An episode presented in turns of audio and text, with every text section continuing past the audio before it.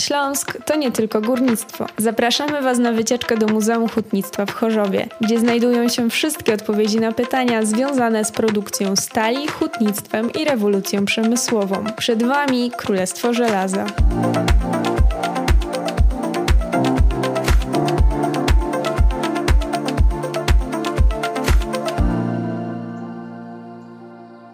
Muzeum Hutnictwa w Chorzowie zlokalizowany jest na terenie dawnej Huty Królewskiej, czyli późniejszej e, Huty Kościuszko, doskonale znanej chorzowianom i nie tylko.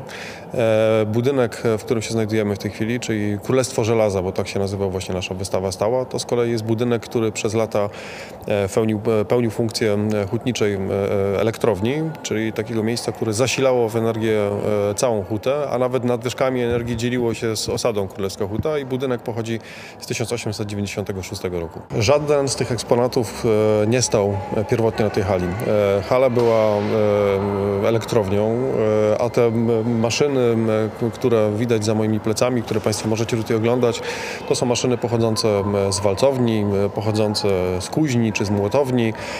Część pochodzi z huty Kościuszko, część pochodzi z huty Batory, więc nawet niektóre z nich nie pracowały tutaj w, w tej hucie.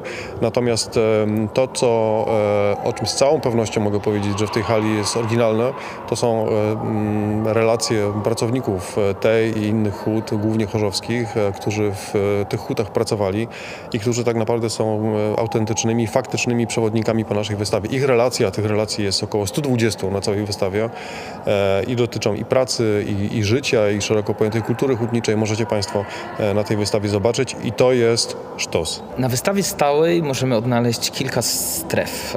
Całość jest podzielona między strefą życia a strefą pracy. E, I taką największą ciekawostką, jeśli chodzi o strefę pracy, to są oryginalne maszyny, które funkcjonowały na zakładach hutniczych w Chorzowie na przełomie wieku XIX i XX. E, I tutaj możemy zobaczyć e, jeden z najstarszych obiektów na wystawie, czyli koło zamachowe, które napędzało klatki walcownicze na walcowni średniodrobnej, a to koło pochodzi z maszyny parowej z około 1875 roku, czyli na krótko po tym, na kilka lat po tym, jak huta Batory, wcześniej Bismarck, została uruchomiona. I było to, była to jedna z najbardziej niebezpiecznych prac, jeśli chodzi o pracę na hucie, e, gdzie możemy sobie wyobrazić, że rozgrzana stal, która już jest uzyskana po wielkim, z wielkiego pieca, potem przekształcona w stal e, na stalowni w formie półproduktów trafia na różne wydziały.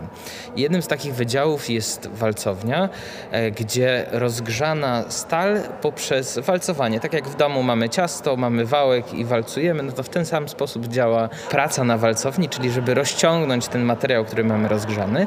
E, I tutaj mamy klatki walcownicze, które służyły do uzyskiwania profili, prętów i w ten sposób to wszystko było walcowane, ale to było obsługiwane ręcznie. Więc hutnik, który, walcownik na dobrą sprawę, który stał przy tej klatce, e, na słuch badał, kiedy ten rozgrzany wsad, ten pręt wyskoczy, żeby go mógł złapać szczypcami, przełożyć i wsadzić do innego walca. Bardzo niebezpieczna praca. To jest przede wszystkim historia e, ludzi.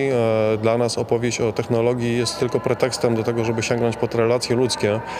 E, my jesteśmy w hali, która ma raptem 800 m2 zakładem, więc niezwykle trudno byłoby opowiedzieć w takim sensie technologicznym o tym, czym tak naprawdę było hutnictwo, czym był tak skomplikowany zakład jak huta. Oczywiście opowiadamy o tym, zobaczycie Państwo na naszej wystawie i informacje e, o tym, jak się kuło i o tym, jak się walcowało i o tym, jak powstaje stal i żelazo. Zresztą służy temu też sala kinowa i film e, no, w takiej e, praktycznie w technologii 5D zrealizowany, gdzie Państwo możecie zajrzeć i do wnętrza stalowni i, i, i do wnętrza wielkiego pieca, co jest fizycznie praktycznie niemożliwe. Muzeum zostało uruchomione, otwarte dla publiczności 26 listopada 2021 roku. Czas szybko leci, więc za chwilę będziemy świętować rok.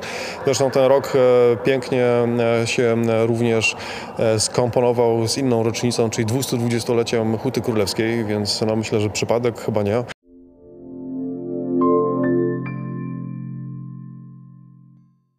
Projekt finansowany przez Islandię, Liechtenstein i Norwegię z funduszy EOG w ramach programu Aktywni Obywatele Fundusz Regionalny.